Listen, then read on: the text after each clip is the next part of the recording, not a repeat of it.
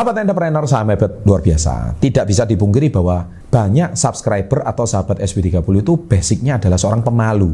Nah pemalu itu kalau bicara personality memang lebih ke flekmatis dan melankolis. Dan flekmatis melankolis itu kalau ada yang tanya apa silakan Anda cek video saya sebelumnya empat tipe kepribadian dan biasanya cenderungnya larinya ke introvert. Nah, di sini ada lima profesi yang cocok untuk para pemalu. Apa saja setelah yang satu ini?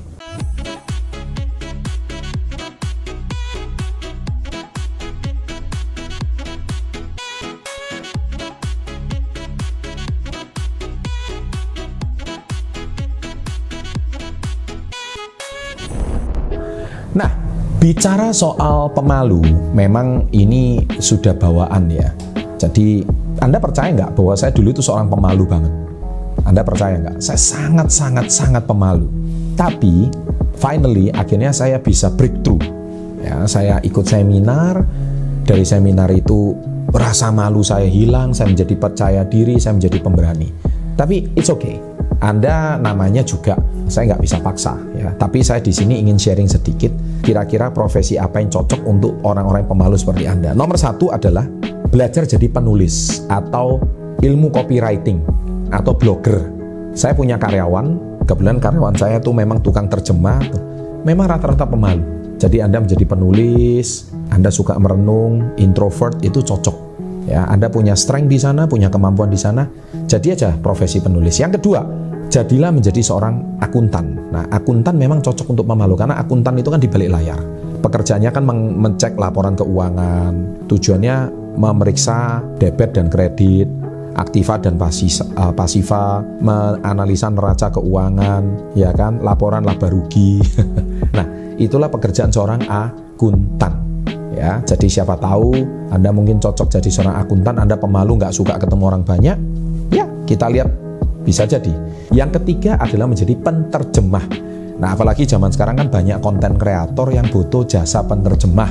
Siapa tahu Anda punya kemampuan, jadi Anda punya skill bahasa Inggris yang baik, atau punya skill bahasa Jepang, atau punya skill apa pun, Anda bisa menjadi seorang penterjemah. Jadi dengan Anda menerjemahkan sebuah konten, Anda bisa menerima penghasilan dari sana. Dan yang keempat, yaitu desain grafis. Jadi zaman sekarang mungkin menjadi editor desain grafis itu juga cocok. Cocok untuk para-para pemalu yang tiap hari hidupnya di depan komputer, tiap hari hidupnya di depan layar. Jadi Anda nggak perlu ketemu orang, Anda ketemunya sama benda atau sama fisiknya, itu cocok. Ya, yang kelima adalah menjadi seorang programmer. Nah, tetapi saya juga mau tambahkan lagi satu profesi.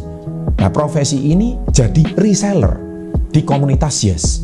Loh, Pak, reseller kan harus ketemu orang. Betul, tapi reseller zaman sekarang ini bisa reseller online. Anda cukup jadi admin, Anda bisa membalas, Anda share konten, join, Anda sebarkan link, itu juga sudah termasuk. Bukan berarti seorang pemalu tidak bisa jadi seorang reseller loh. Dari lima profesi yang saya sebutkan di atas tadi, saya mau beri, berikan garis tambahan. Jadi zaman sekarang itu kan enak banget. Anda bisa part time plus banyak part time job. Jadi nggak cuman melulu Anda itu pekerja 8 to 5 atau 9 to 5, 9 ke 5 atau 8 ke 5, tapi Anda bisa part time part time tapi 2 sampai 3 job. Nah, itu kan bagus. Kalau Anda bisa punya 2 3 job, penghasilannya lumayan juga loh. Jadi reseller juga bukan jelek penghasilannya. Bahkan beberapa murid saya income-nya bisa satu bulan mencapai 5 juta, ada yang bisa sampai 150 juta satu bulan. Itu banyak sekali. Itu karena apa? Karena basicnya dari seorang pemalu. Ya, jadi semua tergantung mindset Anda. Jangan lupa like, jangan lupa share, dan saya percaya video ini kalau bermanfaat, jangan lupa bagikan sebanyak mungkin pada teman-teman Anda. Sukses selalu, salam hebat luar biasa.